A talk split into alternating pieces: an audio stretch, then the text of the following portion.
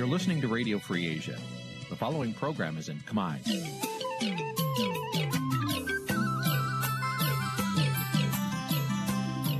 នេះជាកម្មវិធីផ្សាយ Vuthu Azizi Serai នេះជាកម្មវិធីផ្សាយរបស់ Vuthu Azizi Serai ជាភាសាខ្មែរ Vuthu Azizi Serai សូមស្វាគមន៍លោកអ្នកនាងទាំងអស់ពីរដ្ឋធានី Washington នៃសហរដ្ឋអាមេរិក ផ្សាយផ្ទាល់ពីរដ្ឋធានី Washington នាងខ្ញុំសកជីវីសូមជម្រាបសួរលោកអ្នកនាងកញ្ញាដែលកំពុងតាមដានការផ្សាយរបស់ Vuthu Azizi Serai ទាំងអស់ជាទីមេត្រីយើងខ្ញុំសូមជូនកម្មវិធីផ្សាយសម្រាប់យប់ថ្ងៃអាទិត្យ11រោចខែមីឆ្នាំឆ្លូវត្រីស័កពុរសករាជ2565ចាប់ត្រូវនៅថ្ងៃទី27ខែកុម្ភៈគ្រិស្តសករាជ2022ចាជាដំបូងនេះសូមអញ្ជើញលោកអ្នកនាងស្ដាប់ព័ត៌មានប្រចាំថ្ងៃដែលមានមេត្តាដូចតទៅ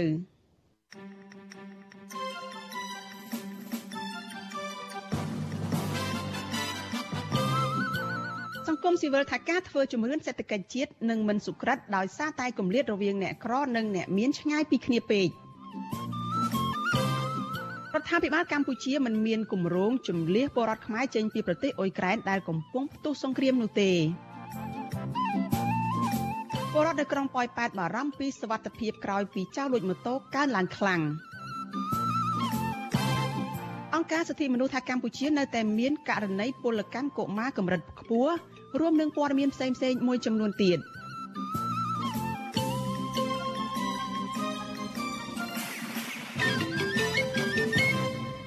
ចាជាបន្តទៅទៀតនេះនាងខ្ញុំសុកជីវីសូមជូនព័ត៌មានទៅនេះពិស្ដា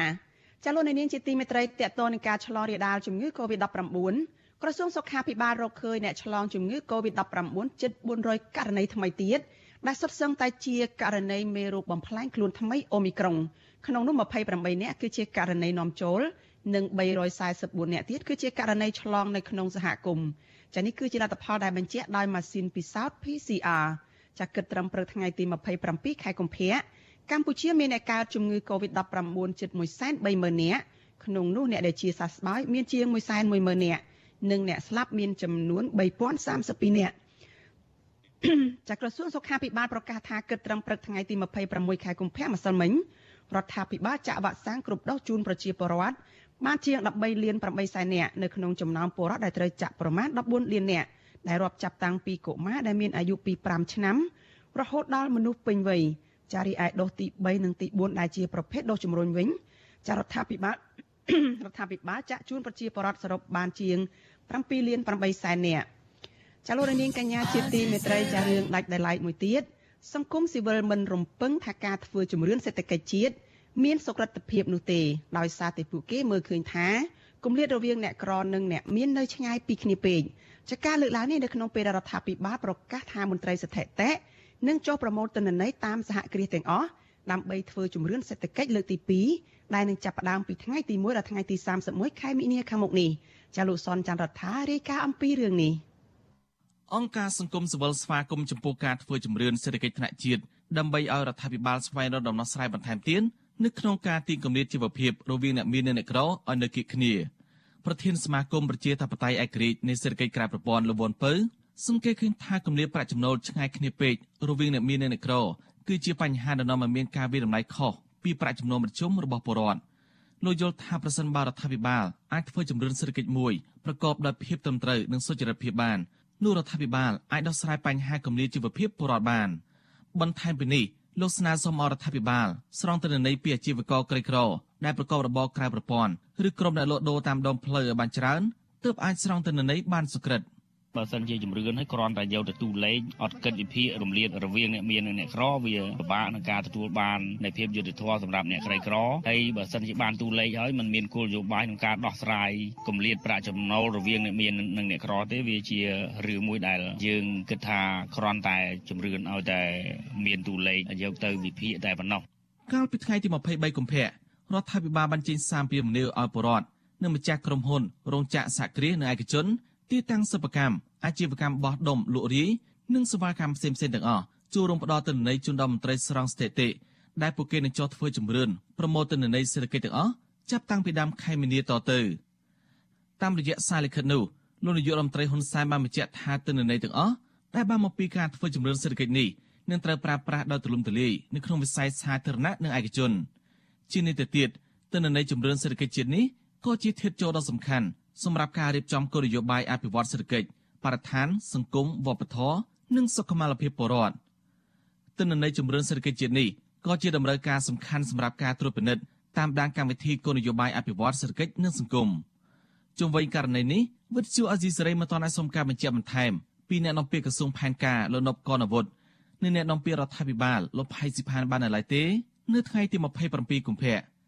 តែទោះបីជាយ៉ាងណាកាលពីថ្ងៃទី8កុម្ភៈ រដ្ឋមន្ត្រីក្រសួងផែនការលោកឆៃថនបាននៅក្នុងកិច្ចប្រជុំតាមប្រព័ន្ធអ៊ីនធឺណិតជាមួយមន្ត្រីនៃវិជាស្ថានជាតិស្ថិតិនិងថ្នាក់ដឹកនាំរាជធានីខេត្តទាំងអស់ដើម្បីរៀបចំដំណើរការជំរុញសេដ្ឋកិច្ចជាតិឆ្នាំ2022រួចហើយដោយត្រូវប្រើប្រាស់មន្ត្រីសម្ភារសរុបប្រមាណ5000នាក់នៅក្នុងកិច្ចប្រជុំនោះលោករដ្ឋមន្ត្រីបញ្ជាក់ថារបាយការណ៍បឋមស្ដីពីការស្រង់បញ្ជីអង្គភាពសេដ្ឋកិច្ចនៅតាមរាជធានីខេត្តទាំងអស់បង្ហាញថាមានអង្គភាពសេដ្ឋកិច្ចសរុបជាង7សែនទីតាំងកំពុងដំណើរការទូទាំងប្រទេសក្នុងឆ្នាំ2021 បើប្រៀបធៀបនឹងឆ្នាំ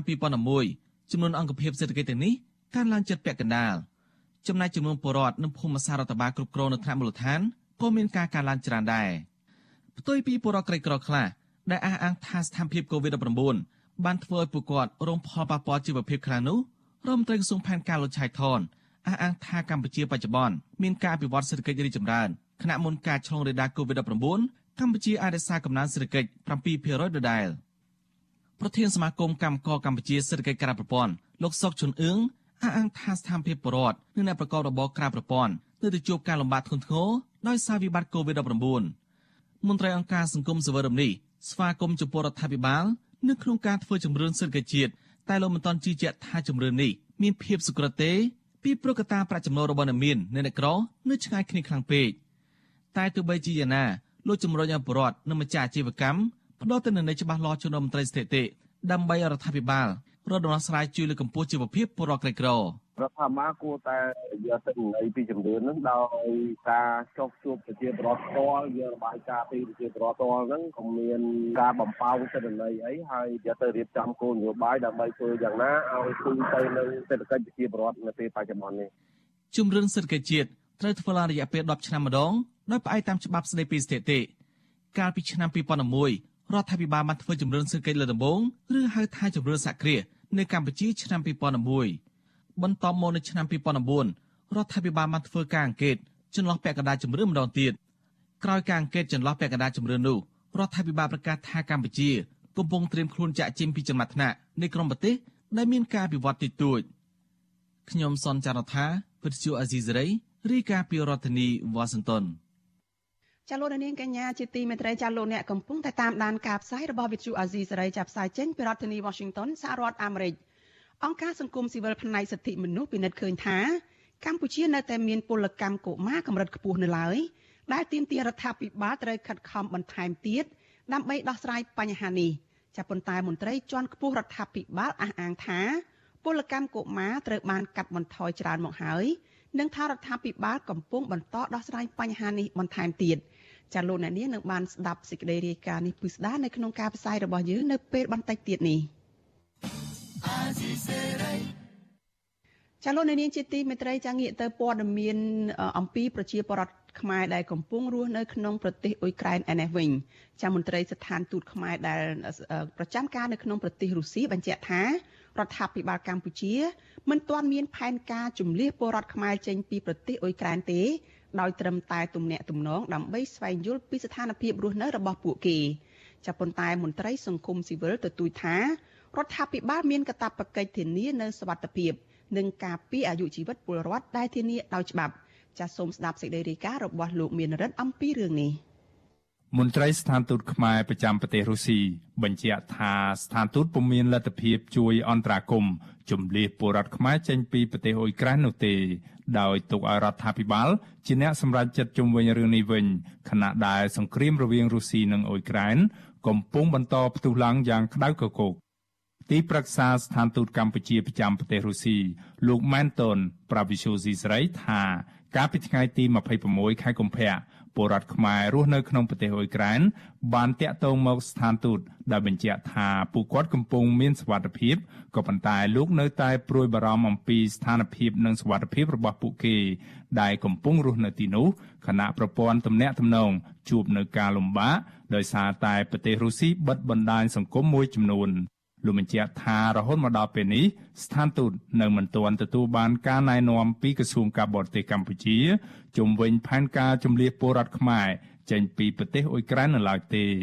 លោករំពឹងថានៅក្នុងកលៈទេសៈសង្គ្រាមបែបនេះពួកគាត់នឹងយល់ច្បាស់អំពីការត្រៀមស្បៀងអាហារនិងការស្វែងរកទីកន្លែងមានសុវត្ថិភាពព្រមទាំងអនុវត្តនូវវិធានការរបស់រដ្ឋាភិបាលរៀងៗខ្លួន។ ក្នុងទៅរឿងជំនឿមិនជំនឿអីខ្ញុំមិនមានសូម្បីតែជនជាតិថៃជនជាតិអីដែលគេពេលលទ្ធភាពគេអាចយកកប៉ាល់ហោះអណ្ដាប់គេក៏ធ្វើអត់កើតដែរចឹងដើម្បីដល់ខ្មែរយើងយើងវាពិបាកនិយាយពីដល់លទ្ធភាពដូចគេចឹងណាខ្ញុំមិនដឹងថាទៅគាត់ឆ្លាក់លើជាអនុវត្តចឹងនេះតើតែទូទៅក្រសួងការបរទេសបានដោយសារខ្ញុំនៅទីនេះតាំងម៉ានថ្ងៃនេះដោយសារពលការងារចឹងទៅយើងមិនទាន់ទទួលបានព័ត៌មានអីមកពីខាងក្នុងប្រទេសដែរដោយសារបញ្ហាបណ្ដាញមួយចំនួនគឺពិបាកទាក់ទងគ្នាបាទ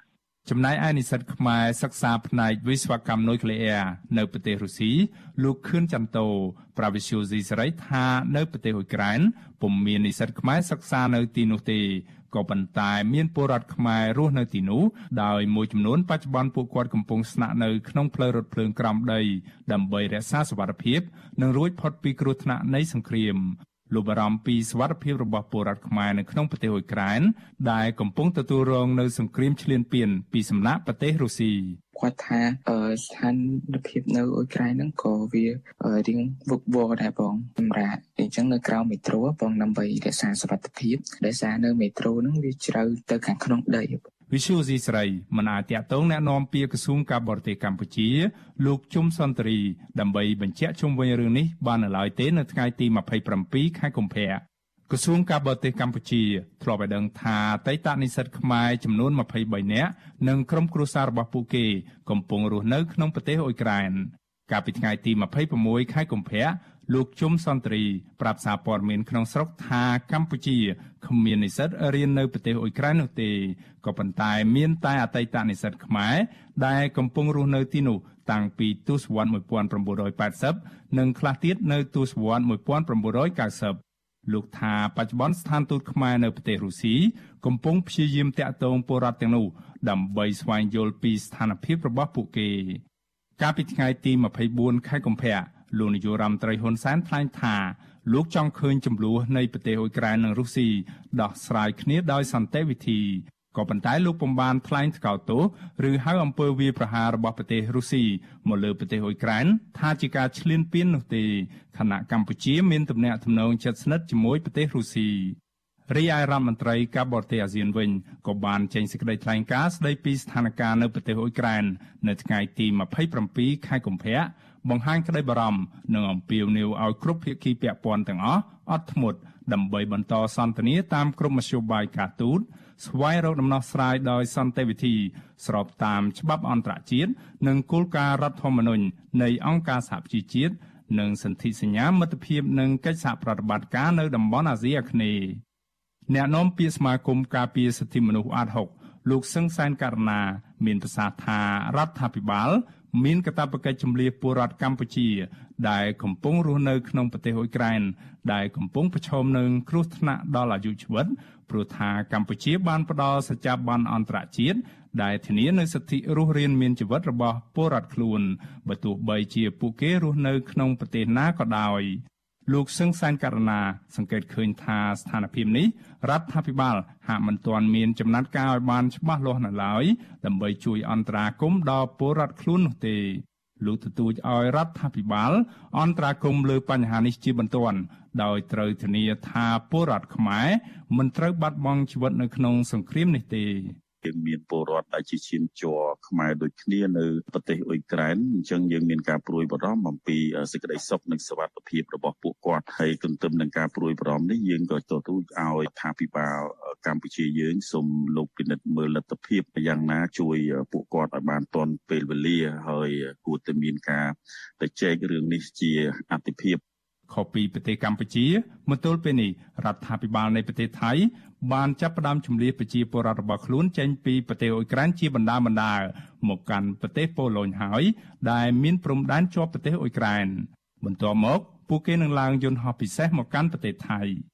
មាត្រា33នៃរដ្ឋធម្មនុញ្ញចែងថាប្រជាពលរដ្ឋខ្មែរដែលកំពុងរស់នៅឯបរទេសត្រូវបានរដ្ឋគាំពៀចំណែកឯមាត្រា35វិញចែងថា សេចក្តីស្នើទាំងឡាយរបស់ប្រជាពលរដ្ឋត្រូវបានទទួលការពិនិត្យនិងដោះស្រាយដោយម៉ត់ចត់ដោយអង្គការរដ្ឋខ្ញុំបាទមេរិត Visual C សេរីរាយការណ៍ពីរដ្ឋធានី Washington ា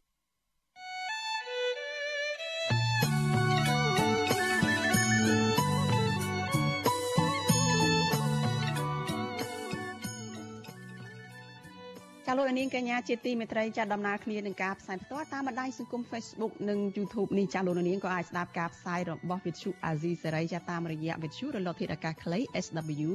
ចាតាមកម្រិតនិងកម្ពស់ដូចតទៅនេះពេលព្រឹកចាប់ពីម៉ោង5កន្លះដល់ម៉ោង6កន្លះតាមរយៈរលកធាតុអាកាសខ្លី9900 9390 kHz ស្មើនឹងកម្ពស់ 32m និង11850 kHz ស្មើនឹងកម្ពស់ 25m ចាប់ពេលយប់ចាប់ពីម៉ោង7កន្លះដល់ម៉ោង8កន្លះតាមរយៈរលកធាតុអាកាសខ្លី9390 kHz ស្មើនឹងកម្ពស់ 32m និង15155 kHz ស្មើនឹងកម្ពស់ 20m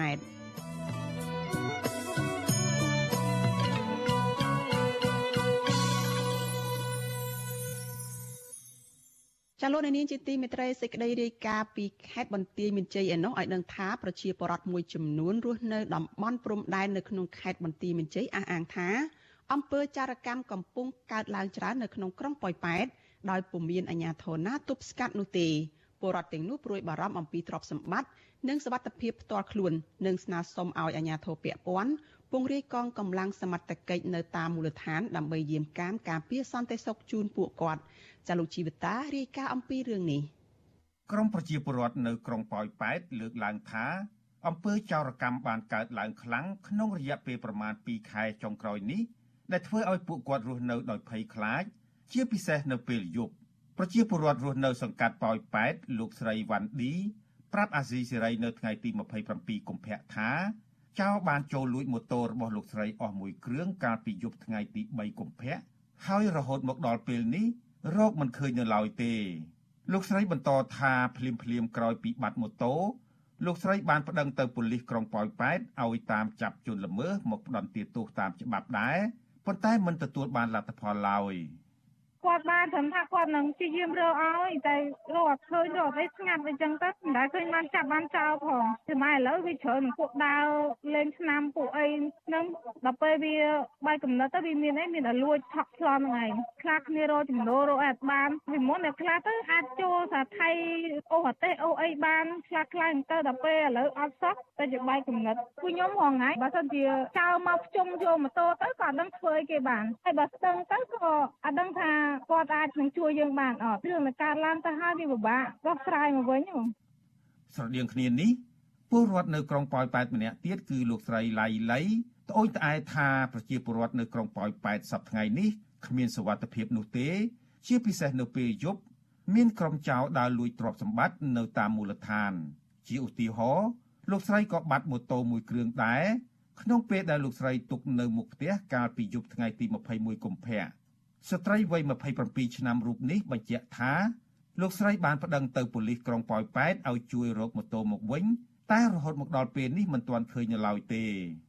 គេប្រាប់ថានៅមិនទាន់បានតម្រុយបានអីអញ្ចឹងរកមុខសញ្ញាអត់ទាន់ឃើញអញ្ចឹងគាត់ថាសង្ស័យក៏សង្ស័យអញ្ចឹងខ្ញុំចង់ឲ្យអាជ្ញាធរគាត់ជួយរកម៉ូតូខ្ញុំឲ្យលឿនលឿនអញ្ចឹងឆាប់បានឃើញព្រោះអីខ្ញុំម៉ូតូនឹងខ្ញុំបងមលោះគេនឹងបងអត់ទាន់បានបងគេផ្ដាច់ផង ហើយណាមួយខ្ញុំទៅធ្វើការគ្មានអីទៅអញ្ចឹងពិបាកអាចជិះម៉ូតូដប់ទៅមួយថ្ងៃក៏ម៉ឺនប្រាក់ខែក៏មិនច្រើនទៀតក្រមប្រជាពលរដ្ឋទាំងនេះឲ្យដឹងថា ក្នុងពេលដែលពួកគេទៅប្តឹងប៉ូលីសនោះពួកគេឃើញប្រជាពលរដ្ឋជាច្រើនអ្នកបានត្អូញត្អែពីអសន្តិសុខនៅក្នុងសង្គមដោយសារអំពើចោរកម្មលួចម៉ូតូនិងទ្រព្យសម្បត្តិមួយចំនួនទៀតរបស់ពួកគាត់នៅពេលយប់ ប្រជាពលរដ្ឋទាំងនោះសំណូមពរដល់អាជ្ញាធរពាក់ព័ន្ធឲ្យដាក់ពង្រាយកងកម្លាំងយាមកាមការពារនៅតាមមូលដ្ឋានឲ្យបានជាប្រចាំដើម្បីរក្សាសន្តិសុខសង្គមវិទ្យុអាស៊ីសេរីមិនអាចតាក់ទងស្នងការនគរបាលខេត្តបន្ទាយមានជ័យលោកសិទ្ធឡោះនិងអភិបាលក្រុងប៉ោយប៉ែតលោកគៀតហ៊ុលដើម្បីសូមអត្ថាធិប្បាយជុំវិញបញ្ហានេះបានទេនៅថ្ងៃទី27កុម្ភៈដោយទូរស័ព្ទចូលជាច្រើនដងតែពុំមានអ្នកទទួល ប៉ុន្តែចៅសង្កាត់ផ្សារកណ្ដាលក្រុងប៉ោយប៉ែតលោកស្រិលអិនប្រាប់អាស៊ីសេរីថានៅតំបន់ព្រំដែនក្រុងប៉ោយប៉ែតពុំមានអំពើចោរកម្មកើតច្រើនដោយការលើកឡើងរបស់ពលរដ្ឋនោះទេពីព្រោះលោកថាអាញាធរបានដាក់ពង្រាយកងកម្លាំងយាមការពារសន្តិសុខជាប្រចាំលោកបញ្ជាក់ថា នៅសង្កាត់ផ្សារកណ្ដាលមានមន្ត្រីប៉ូលីសជាង10នាក់ប្រជាការពារភូមិចំនួន130នាក់ព្រមទាំងមន្ត្រី PM និងប៉ូលីសនៃអធិការដ្ឋាននគរបាលក្រុងប៉ោយប៉ែតជាច្រើនអ្នកទៀតបានចុះល្បាតនៅតាមមូលដ្ឋានជារៀងរាល់យប់កម្លាំងអន្តរាគមរបស់អធិការនគរបាលកម្លាំងកងរាជអាវុធអន្តរាគមរបូតតា អើបើថាតែក្រមជក់ក្រមស៊ីអានឹងខ្ញុំមិនមានថាទេបើក្រមជក់មកហាត់កាវវាមិនចេញមិនបានទេបើរឿងចោរកម្មមិនមានទេសបាយការខ្ញុំមួយខែចូលមួយខែវាពី3ខែនឹងមានមួយចូលលួចម៉ូតូសតតែអ្នកដែលហៅថាសតិបញ្ញាមិនល្អទីហោតកាត់បាត់មកដីបាត់អីគាត់មកយកម៉ូតូគេចឹងទៅគេចាប់បានចឹងទៅបើឲ្យសម្បូរចោវាមិនមានទេទោះជាយ៉ាងណា ប្រធានសមាគមពង្រឹងសេដ្ឋកិច្ចក្រៅប្រព័ន្ធកម្ពុជា លោកដិនពុទ្ធី សង្កេតឃើញថាប្រមាណ2ខែចុងក្រោយនេះអំពើចោរកម្មដូចជាចោរលួចម៉ូតូសម្ភារៈប្រើប្រាស់ក្នុងផ្ទះនិងទ្រព្យសម្បត្តិមួយចំនួនទៀតរបស់ប្រជាពលរដ្ឋបានកើតមានច្រើននៅតំបន់ព្រំដែនលោកបន្តថាបញ្ហានេះដោយសារតែប្រជាពលរដ្ឋអត់ការងារធ្វើបណ្ដាលមកពីវិបត្តិជំងឺ Covid-19 ស្របពេលដែលអាជ្ញាធរកម្ពុជានិងថៃបានបិទច្រកព្រំដែនប្រទេសទាំងពីរយូរពេកមន្ត្រីសង្គមស៊ីវិលរូបនេះក៏សម្គាល់ថាជារឿយរឿយទ្រព្យសម្បត្តិរបស់ប្រជាពលរដ្ឋដែលត្រូវបានចោរលួចនោះកម្រឃើញអាជ្ញាធរពាក់ព័ន្ធចាប់ជនល្មើសមកផ្ដន់ទោសតាមច្បាប់ណាស់ យើងនៅទូនទីសមត្ថកិច្ចក៏ត្រូវតែការពារសន្តិសុខសម្រាប់ផ្នែកសង្គមជូនប្រជាពលរដ្ឋរស់នៅជាទូទៅប៉ុន្តែជាក់ស្ដែងយើងឃើញថាវាចន្លោះប្រហោងច្រើនណាស់ណាពាក់ព័ន្ធនឹងការងារចោរកម្មក៏ដូចជាក្មេងកាប់គ្នាអីចឹងដូចនិមន្តអីមានក្មេងកាប់គ្នាអីចឹងអត់ឃើញមានប៉ូលីសអីដេញចាប់ដេញអីផងហើយមនុស្ស50នាក់ដេញកាប់មនុស្ស3 4នាក់អីរត់គេចចូលទៅតំបន់ផ្ទះរបស់ខ្ញុំនិងបងប្អូនខ្ញុំយើងឃើញថាវាអត់មានសមត្ថកិច្ចអីណាតាមចាប់ពួកជនល្មើសហ្នឹង លោកដិនពុទ្ធីបន្តថាដើម្បីដោះស្រាយបញ្ហានេះអាជ្ញាធរពាក់ព័ន្ធត្រូវអនុវត្តទៅលើជនប្រព្រឹត្តឲ្យធ្ងន់ធ្ងរតាមច្បាប់ហើយប្រញាប់ចរចាជាមួយអាជ្ញាធរថៃបើកច្រកព្រំដែនប្រទេសទាំងពីរឲ្យបានឆាប់ដើម្បីឲ្យពលរដ្ឋប្រកបរបររកប្រាក់ចំណូលដោះស្រាយជីវភាពឡើងវិញលោកបារម្ភថាប្រសិនបើអាជ្ញាធរមិនឆាប់ដោះស្រាយបញ្ហានេះទេនោះអំពើចោរកម្មនឹងកើតមានកាន់តែច្រើន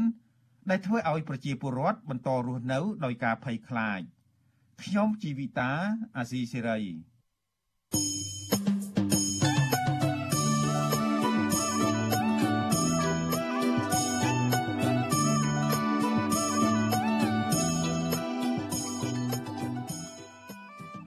នាងកញ្ញាជាទីមេត្រីចានៅក្នុងឱកាសនេះចានាងខ្ញុំសូមថ្លែងអំណរគុណដល់លោកអ្នកនាងចាដែលតែងតែមានភក្ដីភាពចំពោះការផ្សាយរបស់យើងហើយចាត់ទុកការស្ដាប់វិទ្យុអាស៊ីសេរីនេះគឺជាផ្នែកមួយនៃសកម្មភាពប្រចាំថ្ងៃរបស់លោកអ្នកនាងចាការគ្រប់គ្រងរបស់លោកអ្នកនាងនេះហើយដែលធ្វើឲ្យយើងខ្ញុំកាន់តែមានទឹកចិត្តខ្លាំងថែមទៀតនៅក្នុងការស្វែងរកព័ត៌មាននិងផ្សព្វផ្សាយព័ត៌មានពិតជូនលោកអ្នកនាងចាំមានអ្នកស្ដាប់មានអ្នកទស្សនាកាន់តែច្រើនចាកាន់តែធ្វើឲ្យយើងខ្ញុំមានភាពស្វាហាប់និងមោះមុតតទៅទៀត ចាយើងខ្ញុំសូមអរគុណលោកអ្នកនាងទុកជាមុនហើយសូមអញ្ជើញលោកអ្នកនាងចាចូលរួមជួយឲ្យការផ្សាយរបស់យើងនេះកាន់តែមានការជោគជ័យបន្ថែមទៀត។ចាស់លោកនាងអាចជួយយើងខ្ញុំបានដោយគ្រាន់តែចុចចែករំលែកការផ្សាយរបស់វិទ្យុអាស៊ីសេរីចាដែលផ្សាយផ្ទាល់នៅតាមបណ្ដាញសង្គម Facebook និង YouTube ចាទៅកាន់មិត្តភ័ក្តិរបស់លោកនាងចាដើម្បីឲ្យការផ្សាយរបស់យើងនេះបានទៅដល់មនុស្សកាន់តែច្រើន។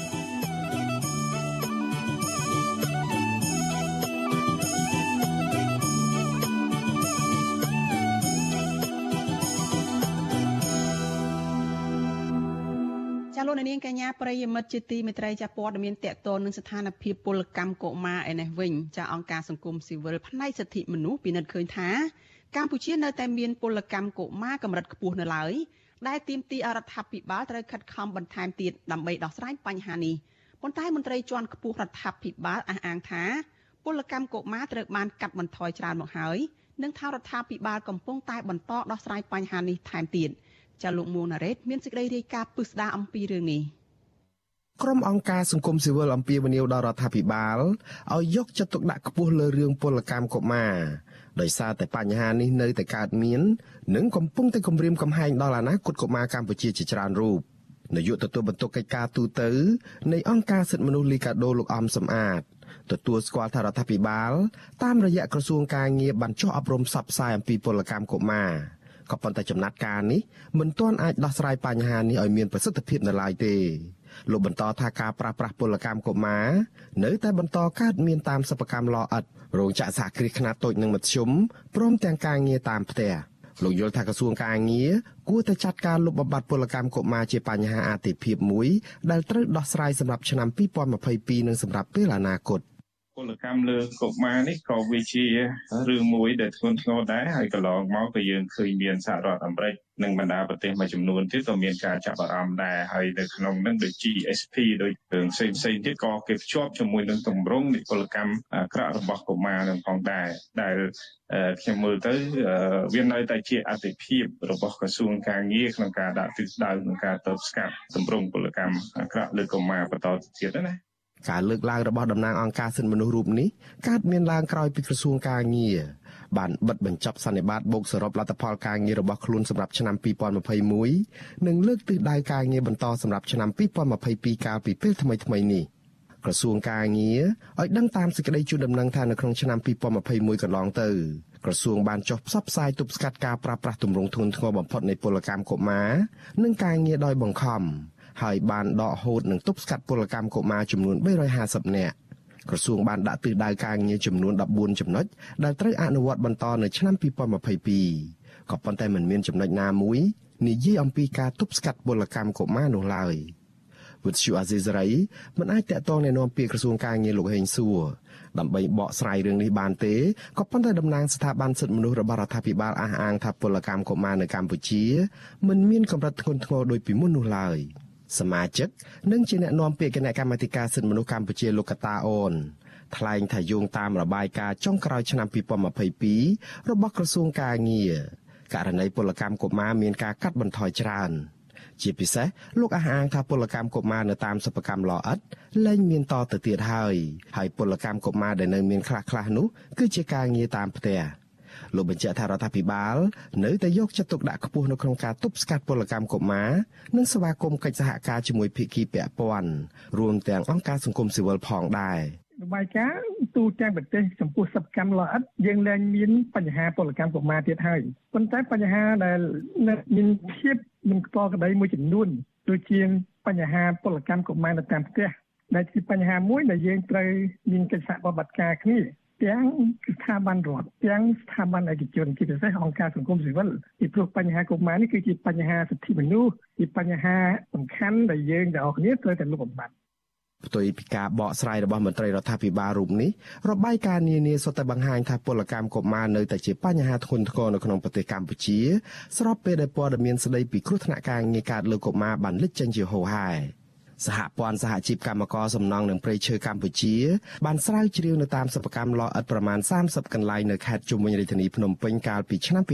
2018រកឃើញថាកុមារអាយុក្រោម18ឆ្នាំជាង600នាក់ធ្វើការជាមួយនឹងឪពុកម្ដាយនៅក្នុងសិប្បកម្មលអិតហើយករណីបែបនេះនៅតែបន្តកើតមានដដែលមកដល់បច្ចុប្បន្ននេះ ស្របពេលជាមួយគ្នានេះដែររបាយការណ៍ស្ដីពីពលកម្មកុមារនិងពលកម្មដោយបង្ខំដែលចេញផ្សាយដោយក្រសួងការងារសហរដ្ឋអាមេរិកកាលពីខែកញ្ញាឆ្នាំ2021បង្ហាញថាកម្ពុជាមានការវិវត្តតិចតួចស្ដួយស្ដាងបំផុតនៅក្នុងការដោះស្រាយបញ្ហាពលកម្មកុមារនេះក្រសួងការងារសហរដ្ឋអាមេរិកគូបញ្ជាក់ថារដ្ឋាភិបាលកម្ពុជាខកខានមិនបានចាត់វិធានការឲ្យសកម្មដើម្បីស៊ើបអង្កេត ចោតប្រកាន់និងផ្ដន្ទាទោសលើមន្ត្រីសាធារណៈទាំងឡាយណាដែលចូលរួមឬក៏ជួយសម្រួលដល់ទម្រង់ធ្ងន់ធ្ងរបំផុតនៃពលកម្មកុមាររួមទាំងការកេងប្រវ័ញ្ចផ្លូវភេទលើកុមារនិងពលកម្មដោយបង្ខំដើម្បីដោះបំណុលនៅសិប្បកម្មលអិតនោះឡើយបន្ថែមលើពីនេះចៅក្រមមួយចំនួនត្រូវគេរាយការណ៍ថាទទួលសំណូកជាធ្នូនឹងការបញ្ចោតប្រកាន់ការទម្លាក់ចោលបាត់ចោតប្រកាន់និងការបន្ធូរបន្ថយទោសចំពោះបុគ្គលដែលប្រព្រឹត្តបទអក្រិតទាំងនេះ។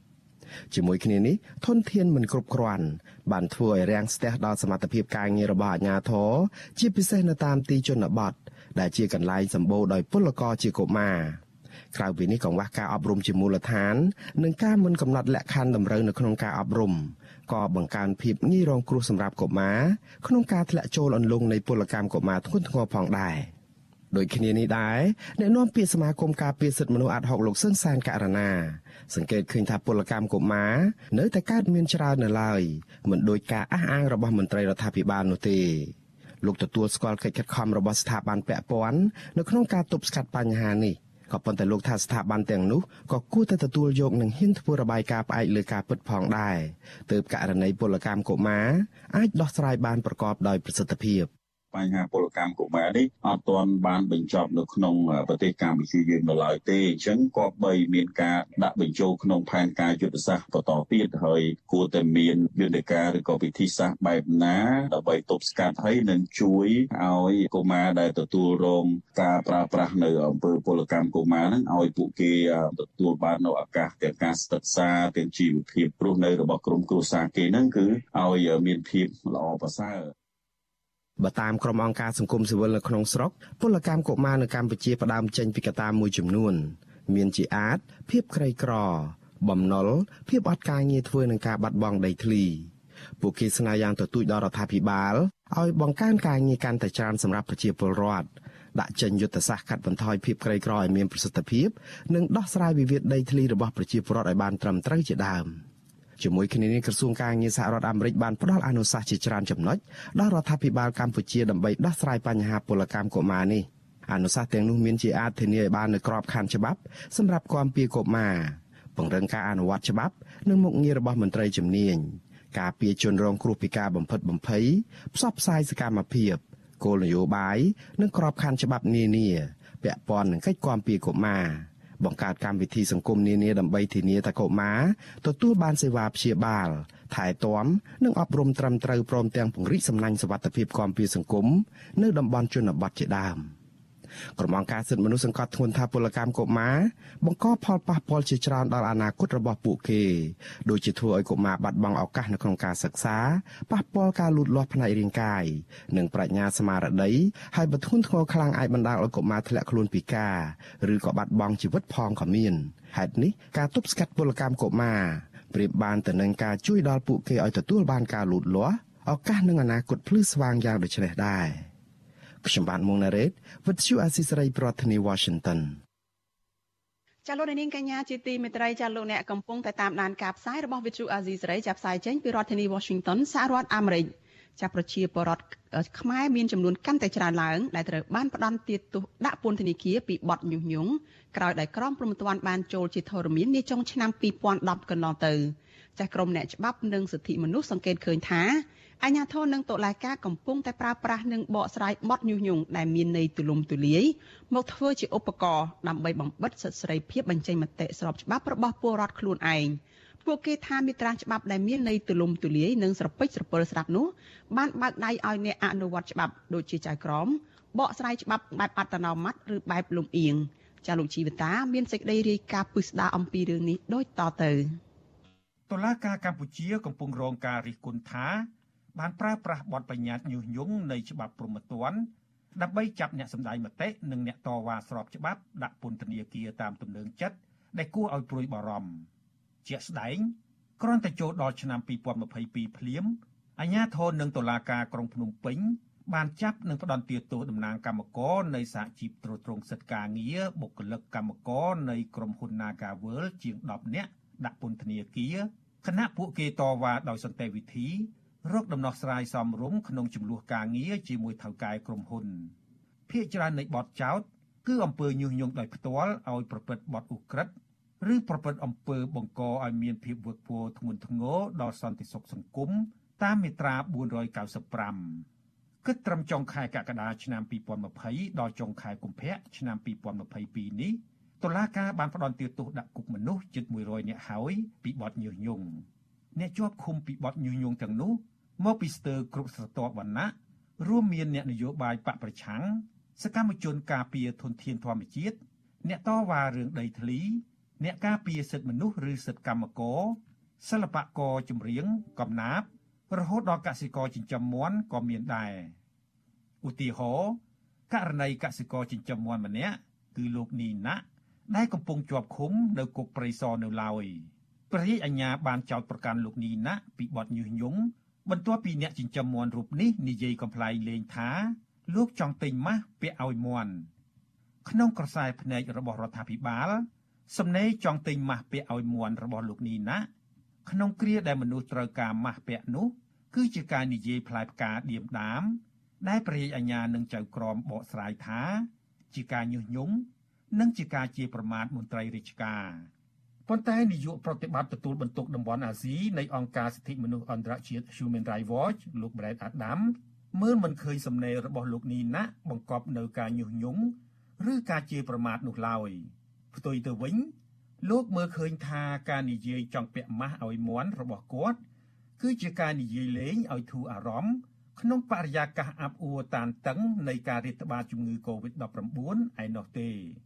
I think that the farmer is a pretty funny guy, has a good sense of humor. The whole world right now. ខ្ញុំគិតថាកសិករចិញ្ចឹមមាន់រូបនោះជាមនុស្សចូលចិត្តនិយាយបែបកំ pl ុកកំ pl ែងលេងសើចនោះទេឥឡូវនេះមនុស្សម្នាច្រើនណាស់នៅក្នុងពិភពលោកទាំងមូលនេះនាំគ្នានិយាយឬក៏សរសេររឿងរ៉ាវបែបកំ pl ុកកំ pl ែងលេងសើចនៅក្នុងអំឡុងពេលរាតត្បាតនៃជំងឺ Covid-19 នេះអ្នកដឹងទេ2ឆ្នាំកន្លងទៅនេះជាពេលវេលាដ៏លំបាកលំបិននិងអាក្រក់ខ្លាំងណាស់ ហើយមនុស្សម្នាទ្រាំអត់ធ្មត់និងរៀនសម្របខ្លួនរស់នៅជាមួយជំងឺ Covid-19 នេះជំងឺ Covid ហើយនឹងផលប៉ះពាល់របស់វាធ្វើឲ្យមនុស្សខ្លះកើតទុក្ខហើយខ្លះទៀតមួម៉ៅខឹងសម្បាដូច្នេះហើយពេលខ្លះពួកគេក៏យកឈ្នះជំងឺនេះដោយនាំគ្នានិយាយឬក៏សរសេរបែបកំ pl ុកកំ pl ែងលេងសើចនាំឲ្យមានការសើចខ្លះដែរការពិតទៅវាធ្វើឲ្យសុខភាពល្អទៅវិញទេហើយសារបង្ហោះរបស់គាត់នោះក៏មិនបានបង្កឲ្យជនណាម្នាក់ឈឺចាប់នោះដែរ នៅក្រោមច្បាប់អន្តរជាតិអ្នកអាចត្រូវជាប់ចោទពីបទញុះញង់បើសិនបើពាក្យសម្ដីញុះញង់របស់អ្នកបង្កឲ្យមានអំពើហិង្សាមែនក៏ប៉ុន្តែករណីនេះมันមានអំពើហិង្សាអីទេគឺគាត់គ្រាន់តែនិយាយបែបកំ pl ែងលេងឬក៏និយាយបែបលែបខាយឬក៏ថាគាត់និយាយរិះគន់រដ្ឋាភិបាលដោយប្រយោលតែអ្វីទាំងអស់ហ្នឹងគឺគាត់មានសិទ្ធិនិយាយតាសាលាដំបងរាជធានីភ្នំពេញបានផ្តន្ទាទោសលោកនីណា ដាក់ពន្ធនាគារ18ខែ និងពិន័យជាប្រាក់ចំនួន2លានរៀលព្រមទាំងបង្គាប់ឲ្យសងសំណងទៅដើមមិនដឹងរដ្ឋបវេនីចំនួន20លានរៀលទៅក្រសួងកសិកម្មក្រុមបទចោទជាប្រមាថជាសាធារណៈនិងញុះញង់ឲ្យមានការរើសអើងកាលពីថ្ងៃទី18ខែសីហា ឆ្នាំ2020លោកនេះណាកាលពីចុងឆ្នាំ2019ខណៈជំងឺ Covid កំពុងរាតត្បាត លោកបានបង្ហោះសារនិយាយបែបកំ pl ែងថាលោកគ្រងរៀបចំទ្រុងមន់និងទិញម៉ាស់ពាក់ឲ្យមន់យ៉ាងដូចនេះខ្ញុំបានត្រៀមឬព្រាលិខិតនិងឯកសាររួចអស់ហើយនៅក្នុងការស្នើដាក់ទ្រង់មររបស់ខ្ញុំក្នុងភាពអាសន្នពីប្រមូលហេតុមានមេរោគផ្ដាសាយរលាកផ្លូវដង្ហើមកំពុងតែរាតត្បាតក្នុងកសិដ្ឋានខ្ញុំមិនចង់គិតដល់ចំណុចនេះទេព្រោះវាធ្វើឲ្យខូចខាតសេដ្ឋកិច្ចរបស់កូនមន់យ៉ាងធ្ងន់ធ្ងរខ្ញុំសង្ឃឹមថាកូនមន់នឹងចេះពាក់ម៉ាស់គ្រប់គ្នា ហើយដេកក្នុងទ្រង់កុំចេញក្រៅអសោះបើគ្មានការចាំបាច់ការញុះញង់ជាអំពើល្មើសច្បាប់រីឯការសម្ដែងមតិជាទង្វើស្របច្បាប់ ដែលទាមទារឲ្យអ្នកអនុវត្តច្បាប់ក្នុងនោះមានចៅក្រមផងយល់ដឹងពីចំណុចខុសគ្នានេះដើម្បីបកស្រាយច្បាប់យ៉ាងប្រុងប្រយ័ត្ននិងមិនលំអៀងជៀសវាងការបំពារបំពានលើសេរីភាពសម្ដែងមតិរបស់ពលរដ្ឋដែលធានាគាំពៀដោយរដ្ឋធម្មនុញ្ញកម្ពុជាលោកគង់សំអនដែលជាមេធាវី និងជាស្រស្ត្រាចារ្យច្បាប់ផងនោះថ្លែងថាសាររបស់លោកនីណាគឺជាការសម្ដែងមតិមិនមែនជាការញុះញង់នោះទេលោកមេធាវីគង់សំអនបញ្ជាក់ថាដើម្បីឲ្យការញុះញង់មួយអាចត្រូវផ្ដន់ទាទោសបានលុះត្រាតែមានសកម្មភាពល្មើសច្បាប់ឧទាហរណ៍ថាទៅធ្វើឃាតគេណាយើងញុះញង់មនុស្សម្នាក់ឬក៏មួយក្រុមឲ្យទៅប្រព្រឹត្តបទល្មើសប្រឆាំងនឹងមនុស្សម្នាក់ឬក៏មនុស្សមួយក្រុមផ្សេងទៀត ប្រាប់ទៅគេដើម្បីឲ្យគេហ្នឹងធ្វើសកម្មភាពដែលជាលក្ខណៈល្មើសឧទាហរណ៍ញុះញង់ឲ្យទៅវត្តទៅយកក្របបែកយកដំបងអីទៅវាយព្រះអង្គវាយព្រះអត់តិចឧទាហរណ៍អញ្ចឹង កក៏ប៉ុន្តែបើមិនជាការនិយាយបែបពេញចិត្តឬមិនពេញចិត្តអាហ្នឹងជាប្រភេទទស្សនៈបើវាជាទស្សនៈអាហ្នឹងច្បាប់ការពារច្បាប់មិនយកទៅពីចំពោះការផ្សេងទស្សនៈទេវាគាត់ថាខ្ញុំចូលចិត្តអាលោកនេះខ្ញុំមិនចូលចិត្តលោកនោះវាមានមិនចូលចិត្តសកម្មភាពនេះមិនចូលចិត្តសកម្មភាពនោះអាហ្នឹងវាជាប្រភេទទស្សនៈដែលថាបង្ហាញពីអារម្មណ៍ពីផ្លូវចិត្តពីអីរបស់បុគ្គលណាអាហ្នឹងយើងមិនអាចទៅយកទោសទេ ជុំវិញការរិះគន់លើការចាប់មនុស្សដាក់គុកពីបទញុះញង់ឥតស្រាកស្រាននេះប្រធានអង្គភិបអ្នកណែនាំពាក្យរដ្ឋាភិបាលនិងជារដ្ឋលេខាធិការនៃទីស្តីការគណៈរដ្ឋមន្ត្រីលោកផៃស៊ីផានថ្មីថ្មីនេះលោកបានថ្លែងការពីចំណាត់ការរបស់អាជ្ញាធរនិងតុលាការ យើងញុះញង់យើងបង្កើតអំពើហិង្សាយើងរុញពីភាពទៅអើងទៅប្រមាថគេតើគេអនុញ្ញាតឲ្យធ្វើទេអាហ្នឹងគួរគួរតែប្រឆាំងណាខ្លះផងមិនមែនគ្រាន់តែលឺជាប់គុកហើយដល់ពេលនិយាយតែពីរឿងជាប់គុកប្រើប្រាស់អ៊ីនធឺណិតមិនមែនទេមិនមើលឯសាច់រឿងពិតប្រាកដតើអង្គហេតុមិនបានជាប់គុកតើប៉ុតាំងមិនបានជាប់គុកតើប្រឆាំងនឹងអង្គច្បាប់អីតើប្រឆាំងនឹងអង្គច្បាប់អ្វីនិងមានផុសតាងអ្វីនេះក៏ជាសំណួររបស់លោក Brad Adam ដែលចង់ដឹងដែរ ថាតើតុលាការយកផុសតាងអ្វីមកដាក់បន្ទុកលើលោកនីណាលោក Brad Adams ដែលជាអ្នកជំនាញច្បាប់អន្តរជាតិផងនោះសួរយ៉ាងសាមញ្ញថាហេតុអ្វីបានជាលោកនីណាដែលនិយាយថាលោកចង់ពាក់ម៉ាស់ឲ្យមន់និងដាក់ទ្រង់មន់ក្នុងភាពអាសន្ននោះបែរជាជាប់ចោតពីបទញុយញងឲ្យមានការរើសអើងនិងជេរប្រមាថទៅវិញលោកសួរថាតើពាក្យត្រង់ណាជាពាក្យជេរប្រមាថជេរប្រមាថអ្នកណា ហើយពាក្យត្រង់ណាដែលថាគាត់ញុះញង់ឲ្យមានការរើសអើងហើយរើសអើងប្រឆាំងអ្នកណា Was he discriminating against chicken and our chicken ឬក៏ថាគាត់រើសអើងប្រឆាំងទៅនឹងសត្វមាន់ហើយច្បាប់កម្ពុជាពិតជាការពារសត្វមាន់ពីការរើសអើងអញ្ចឹងផងឬមិនគួរណាតឡាការចោតករណីបែបនេះសោះឡើយនៅពេលណាដែលប៉ូលីសឬក៏ព្រាជ្ញានាំករណីអញ្ចឹងអញ្ចឹងមកតឡាការទៀតចៅក្រមមិនគួរយកភ្នែកបើកមើលតទៅសោះឡើយ ព្រោះវានាំឲ្យតែខាតពេលវេលា និងធនធានរបស់រដ្ឋនោះទេចៅក្រមគួរតែទាត់ចោលភ្លាមភ្លាមទៅ ដោយប្រាប់ទៅពួកប៉ូលីសឬក៏ព្រាអាញាដែលជ្រុលនិយមទាំងនោះថាកុំលើកយកអារឿងអញ្ចឹងអញ្ចឹងមកតឡាការទៀតនៅថ្ងៃក្រោយព្រោះវាមិនមែនជារឿងដែលតឡាការត្រូវចោតប្រកាន់ឬផ្ដន់ទាទោសលើអ្នកដែលគ្រាន់តែនិយាយរឿងបែបកំ pl ុកកំ pl ែងរឿងចង់ពាក់ម៉ាស់ឲ្យមន់នោះទេ person or convict this person for making a joke about putting a mask on a chicken យ៉ាងណាក៏ដោយ តាមការជាក់ស្ដែង សាររបស់លោកនីណាមិនបានបង្កើតឲ្យមានភាពចលាចលឬភាពវឹកវរណាមួយក្នុងសង្គមទេ ហើយក៏មិនមានមន្ត្រីរាជការណាម្នាក់ចេញមុខប្រកាសថាខ្លួនរងផលប៉ះពាល់ដោយសារសំណេរចង់ពាក់ម៉ាស់ឲ្យមន់នោះដែរទោះបែបនោះក្តីតុលាការក្រុងភ្នំពេញបានសម្រេចផ្តន្ទាទោសលោកនីណាឲ្យជាប់ពន្ធនាគារ18ខែពីបទញុះញង់ករណីរបស់លោកនីណា គឺជាសំណុំរឿងមួយក្នុងចំណោមសំណុំរឿងញុះញង់ជិត100ករណីផ្សេងទៀតចៅក្រមកម្ពុជារងការរិះគន់ថាតែងបកស្រាយមេត្រាច្បាប់ដោយអត្តនោម័តឬតាមទំនឹងចិត្តបែបលំអៀងទៅរកការផ្ដន្ទាទោសជនជាប់ចោតដោយជ្រើសរើសយកបទញុះញង់និងបទជាប្រមាថមន្ត្រីរាជការដែលមិនមានកំណត់នៃច្បាស់លាស់មកចោតប្រកាន់ នេះហើយជាក្តីបារម្ភដែលការិយាល័យនៃឧត្តមស្នងការអង្គការសហប្រជាជាតិទទួលបន្ទុកសិទ្ធិមនុស្សប្រចាំកម្ពុជាធ្លាប់លើកបង្ហាញជូនទៅរដ្ឋាភិបាលនៅមុនសេចក្តីព្រៀងក្រមព្រហ្មទណ្ឌចូលជាធរមាន កាលពីចុងឆ្នាំ2010ការិយាល័យឧត្តមស្នងការសិទ្ធិមនុស្សនៅពេលនោះលើកឡើងថាតុលាការកម្ពុជាមួយចំនួនប្រើមិនត្រឹមត្រូវនៅបទបញ្ញត្តិស្ដីពីបទញុះញង់ ដើម្បីរដ្ឋបတ်សកម្មភាពតស៊ូមតិតាមផ្លូវច្បាប់មួយចំនួន ហើយការិយាល័យឧត្តមស្នងការសិទ្ធិមនុស្សនេះបានលើកជាអនុសាសន៍យ៉ាងដូចនេះការចោទប្រកាន់ពីបទញុះញង់មិនត្រូវធ្វើក្នុងគោលបំណងបំបិតសម្លេងរិះគន់រាប់ទាំងសម្លេងដែលលើកឡើងអំពីបញ្ហានយោបាយដែលរសើបឬជំរងចម្រាស់ផង។ ការចោទប្រកាន់ពីបទញុះញង់គួរត្រូវធ្វើឡើង កាលបើគេអាចបង្ហាញឲ្យឃើញពីចំណងពាក់ព័ន្ធច្បាស់លាស់ដោយផ្ទាល់ទៅនឹងបទល្មើសជាក់លាក់ណាមួយឬទៅនឹងហានិភ័យជាក់ស្ដែងនិងពិតប្រាកដណាមួយដែលនឹងបង្កឲ្យខូចខាតដល់សន្តិភាពសាធារណៈចំណងពាក់ព័ន្ធច្បាស់លាស់ដែលចាំបាច់រវាងបទញុះញង់និងបទល្មើសព្រហ្មទណ្ឌដែលអះអាងថាជាការញុះញង់គួរត្រូវបញ្ជាក់ឲ្យបានច្បាស់លាស់ក្នុងក្រមនេះដើម្បីជៀសវាងការបកស្រាយតាមទំនឹងចិត្ត និងការប្រើមិនត្រឹមត្រូវនៃបទបញ្ញត្តិនេះលោក Brad Adams ពន្យល់ពីនិយមន័យនៃការញុះញង់ថាការញុះញង់គឺជាការអំពាវនាវឬលួងលោមឲ្យមនុស្សម្នាក់ឬច្រើនអ្នកធ្វើអ្វីមួយមិនស្របច្បាប់ដូចជាប្រព្រឹត្តអំពើហិង្សាវាយប្រហារទៅលើមនុស្សឬទ្រព្យសម្បត្តិរបស់អ្នកដទៃជាដើមប៉ុន្តែលោកថាការអំពាវនាវឲ្យមនុស្សម្នាទៅចូលរួមការតវ៉ាឬសម្ដែងមតិលើរឿងអ្វីមួយដោយសន្តិវិធី មិនមែនជាការញុះញង់នោះទេ តែជាសិទ្ធិស្របច្បាប់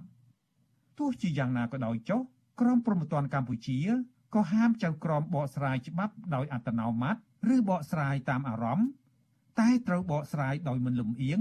ដោយម៉ត់ចត់ និងផ្អែកលើភស្តុតាង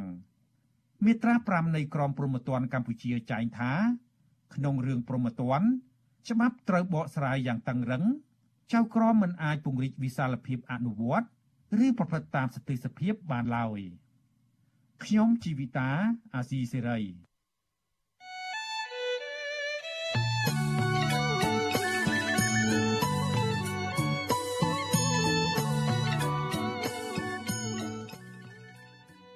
ចាលោកនាងជាទីមេត្រីចាក្រៅពីតាមដានកម្មវិធីផ្សាយរបស់ Vithu Azizi សេរីចាតាមបណ្ដាញសង្គម Facebook YouTube និង Telegram ចាលោកនាងក៏អាចតាមដានកម្មវិធីផ្សាយរបស់យើងតាមរយៈបណ្ដាញសង្គម Instagram ចារបស់ Vithu Azizi សេរីទៅតាមតំណភ្ជាប់ឬ link www.instagram.com/rfa ខ្មែរ ចាវិទ្យុអាស៊ីសេរីបន្តខិតខំផ្សព្វផ្សាយព័ត៌មានពិតទៅកាន់លោកអ្នកនាងតាមរយៈបណ្ដាញសង្គមផ្សេងផ្សេងនិងសម្បូរបែបចាដើម្បីឲ្យលោកអ្នកនាងងាយស្រួលតាមដានការផ្សាយរបស់វិទ្យុអាស៊ីសេរីចាបានគ្រប់ពេលវេលានិងគ្រប់ទីកន្លែងតាមរយៈទូរស័ព្ទដៃរបស់លោកអ្នកនាង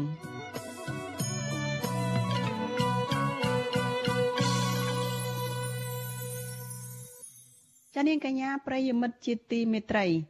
ចាសកម្មជនគណៈបកសង្គ្រោះជាតិម្នាក់លោកហេងច័ន្ទសុធីជាប់ឃុំបណ្ដោះអាសន្ននៅក្នុងពន្ធនាគារព្រៃសរជិត2ឆ្នាំហើយដែលបណ្ដាលឲ្យសុខភាពវ័យជរារបស់លោកកាន់តែទ្រុឌទ្រោមទៅទ្រុឌទ្រោមទៅសាសាច់ញាតិទាមទារឲ្យតុលាការបញ្ឈប់ការឃុំខ្លួនលោកហេងច័ន្ទសុធីទាំងអយុធធននោះបន្តទៅទៀតខណៈដែលសកម្មជនរូបនេះក៏ធ្លាប់ត្រូវជន់ល្មើសលបវាយបែកក្បាលនិងបាក់ឆ្អឹងម្ដងរួចទៅហើយ។ តើសកម្មជនរូបនេះមានប្រវត្តិតស៊ូផ្នែកនយោបាយយ៉ាងណានោះចាលោកមានរិទ្ធមានសេចក្តីរាយការណ៍លម្អិតអំពីរឿងនេះដាច់ដライមួយទៀតដូចតទៅលោកហេងច័ន្ទសុធីជាប់ឃុំនៅក្នុងពន្ធនាគារក្រោមហេតុផលនយោបាយតាំងពីអាយុ58ឆ្នាំមក រហូតដល់អាយុ60ឆ្នាំតឡាការនៅមិនទាន់ដោះលែងលោកនៅឡើយទេ លោកគឺជាសមាជិកក្រុមប្រឹក្សាជាប់ឆ្នោតគណៈបកសង្គ្រោះជាតិប្រចាំខណ្ឌពោធិ៍សែនជ័យនិងជាអនុប្រធានប្រតិបត្តិរបស់គណៈបកនេះប្រចាំខណ្ឌនេះដែរលោកហេងច័ន្ទសុធីធ្លាប់ជាប់ឃុំនៅក្នុងពន្ធនាគារព្រៃសររយៈពេលខ្លី10ថ្ងៃម្ដងរួចមកហើយពាក់ព័ន្ធទៅនឹងការចោទប្រកាន់ថាលោកបានញុះញង់និងរួមគំនិតក្បត់ពាក់ព័ន្ធនឹងគម្រោងមាតុភូមិនិវត្តរបស់លោកសំរាស៊ីកាលពីថ្ងៃទី9ខែវិច្ឆិកាឆ្នាំ2019 ក្រោយពីមានបញ្ជាពីលោកនាយករដ្ឋមន្ត្រីហ៊ុនសែនតឡាកាបានដោះលែងលោកហេងច័ន្ទសុធីឲ្យនៅក្រៅឃុំជាបណ្ដោះអាសន្នកាលពីថ្ងៃទី15ខែវិច្ឆិកាឆ្នាំ2019ដោយភ្ជាប់មកជាមួយនៅលក្ខខណ្ឌមួយចំនួនក្រោយមកទៀតនៅខែធ្នូឆ្នាំ2019មានជនមិនស្គាល់មុខមួយក្រុមបានលបឆ្មក់វាយលោកពីខាងក្រោយបណ្ដាលឲ្យបែកក្បាលច្រានភ្នែក៏ប៉ុន្តែស្មារតីមិនទាន់រកឃើញក្រុមជនល្មើសនោះទេ តមកទៀតនៅដើមឆ្នាំ2020លោកហេងច័ន្ទសធីបានជួបគ្រោះថ្នាក់ចរាចរណ៍ម្ដងទៀតព្រោះមានឡានធំមួយគ្រឿងបានដេញគីលោកបណ្ដាលឲ្យលោកដួលម៉ូតូនិងប្រេះឆ្អឹងដៃម្ខាង នៅក្នុងពេលដែលលោកជិះម៉ូតូពីផ្ទះទៅពិសាកាហ្វេ ប្រពន្ធរបស់លោកហេងច័ន្ទសុធី គឺលោកស្រីឡុងណារិនឲ្យដឹងថាប្រពន្ធនិងកូនកូនខកចិត្តចំពោះរដ្ឋាភិបាលជាខ្លាំងដោយសារតែការចោទប្រកាន់ចាប់ឃុំប្តីខ្លួន និងជាឪពុករបស់ពួកគេ ទាំងគ្មានកំហុសក្នុងរយៈពេល7ឆ្នាំមកហើយលោកស្រីបញ្ជាក់ថាក្រុមគ្រួសារលោកស្រីមិនមានលទ្ធភាពទៅតតាំងឈ្នះអ្នកកាន់អំណាចនោះទេ គឺមានតែការទ្រាំលាក់ការឈឺចាប់ទុកក្នុងចិត្ត និងបែបបន់ឲ្យប្តីឆាប់ទទួលបានយុត្តិធម៌និងមានសេរីភាពឡើងវិញគេទីមួយមីងផ្ទាល់អញ្ចឹងហ្មងថាបើយើងទៅចូលមួយគេអញ្ចឹងគេមានដីអីអញ្ចឹងទៅឲ្យយើងអញ្ចឹងណាយើងចង់បានអីអញ្ចឹងគេឲ្យយើងអញ្ចឹងណាក្មួយចាគាត់អត់ហ្មងមួយគាត់ស្រឡាញ់នយោបាយច្បាប់ទម្លាប់ត្រឹមត្រូវលោកហេងច័ន្ទសុធីកើតនៅឆ្នាំ1962នៅក្នុងក្រុងភ្នំពេញលោកបានរៀបការនៅឆ្នាំ1990 និងមានកូនប្រុសម្នាក់និងកូនស្រី4នាក់នៅមុនឆ្នាំ1997លោកហេងច័ន្ទសធីគឺជាបុគ្គលិកអង្គការក្រៅរដ្ឋាភិបាលមួយក្រោយមកទៀតលោកបានចាប់ផ្ដើមចូលរួមនយោបាយជាមួយគណៈបកជាតិខ្មែររបស់លោកសំរាស៊ីលោកស្រីឡុងណារិនអះអាងថាក្នុងជីវភាពនយោបាយនៃគណៈបកប្រឆាំងលោកហេងច័ន្ទសធី មានជីវភាពលំបាកលំបិនតាំងពីដើមរហូតមក ព្រោះលោកគ្មានប្រាក់ចំណូលផ្សេងក្រៅពីប្រាក់បំណាច់នៅក្នុងតួនាទីជាសមាជិកក្រុមប្រឹក្សាខណ្ឌដែលទទួលបានបន្តិចបន្តួចយកមកផ្គត់ផ្គង់ឲ្យកូនបានរៀនសូត្រទោះជាយ៉ាងណាលោកស្រីនិងកូនកូន មានមោទនភាពចំពោះប្តី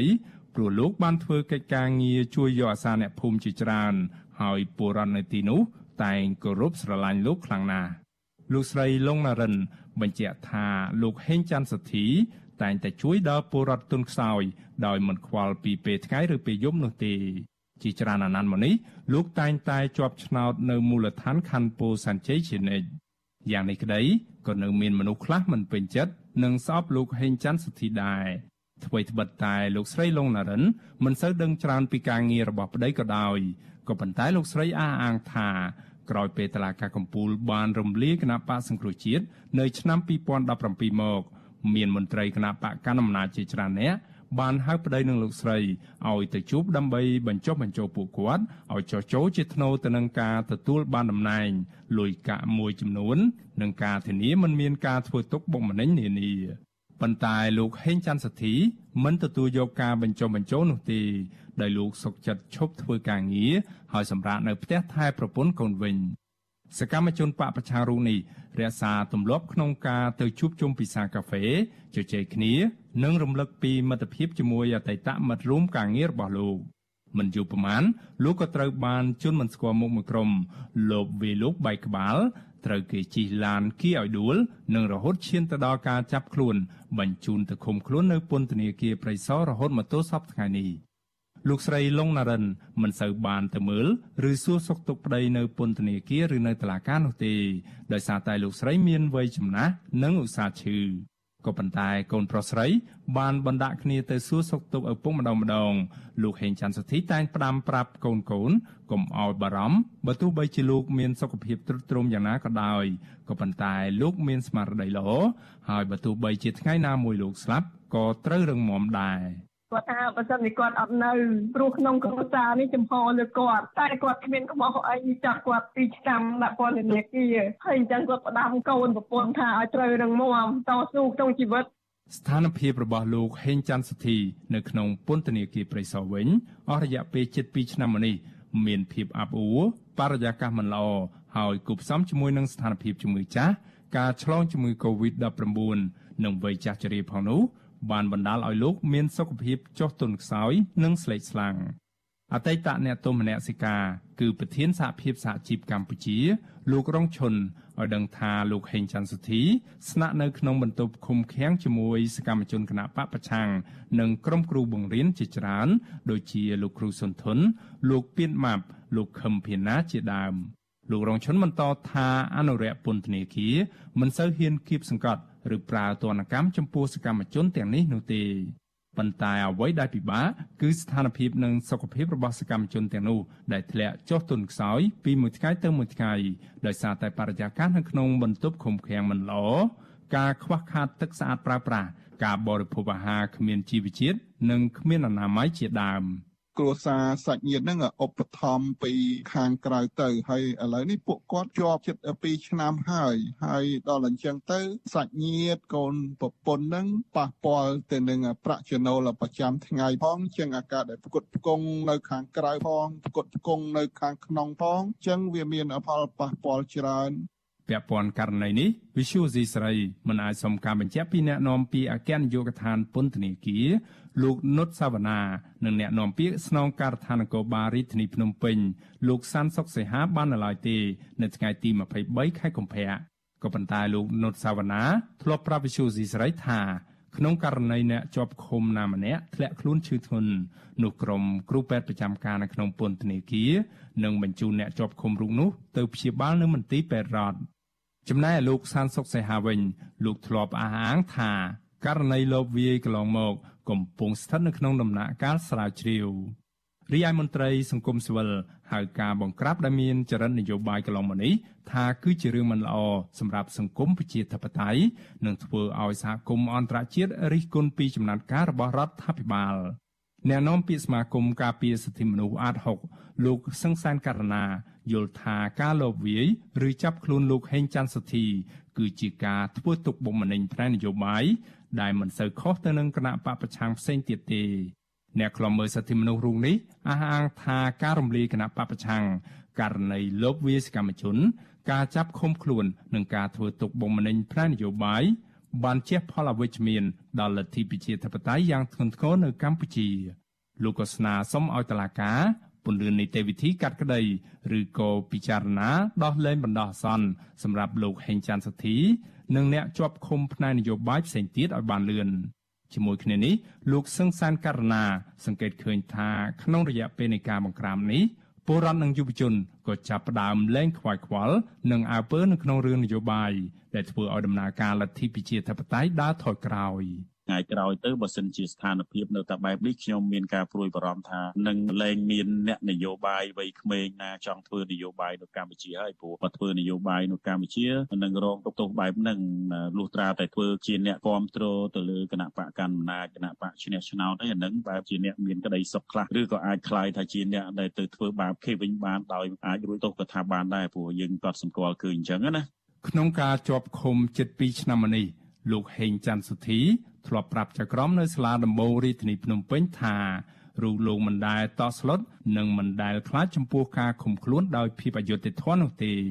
ក៏ប៉ុន្តែលោកទៀមទាឲ្យចក្រមគុំពន្យាពេលសវនាការហើយចាប់ផ្ដើមកាត់ក្តីលោកឲ្យបានលឿនដើម្បីឲ្យប្រកាសថាលោកមានទោសឬក៏អត់នោះខ្ញុំបាទមេរិត Visual C ស្រីរាយការណ៍ពីរដ្ឋធានី Washington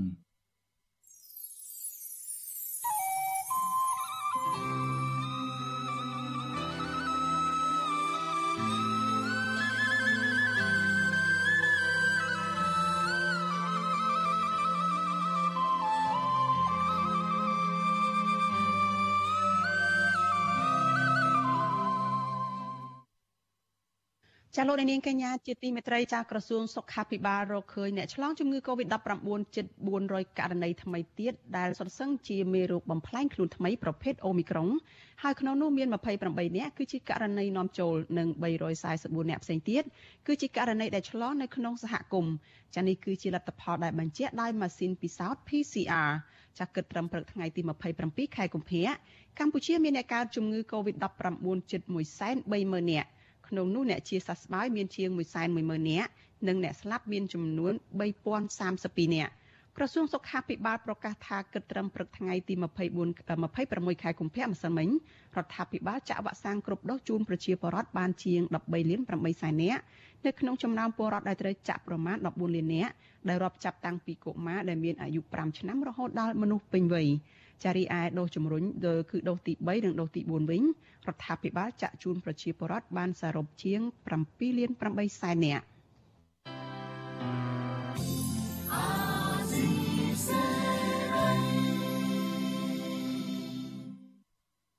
ចាលោកនាងកញ្ញាប្រិយមិត្តជាទីមេត្រីចាការផ្សាយរបស់វិទ្យុអាស៊ីសេរីនៅយប់នេះចាចាប់ត្រឹមតែប៉ុណ្ណេះចានេះខ្ញុំសុជីវីព្រមទាំងក្រុមការងារទាំងអស់នៃវិទ្យុអាស៊ីសេរី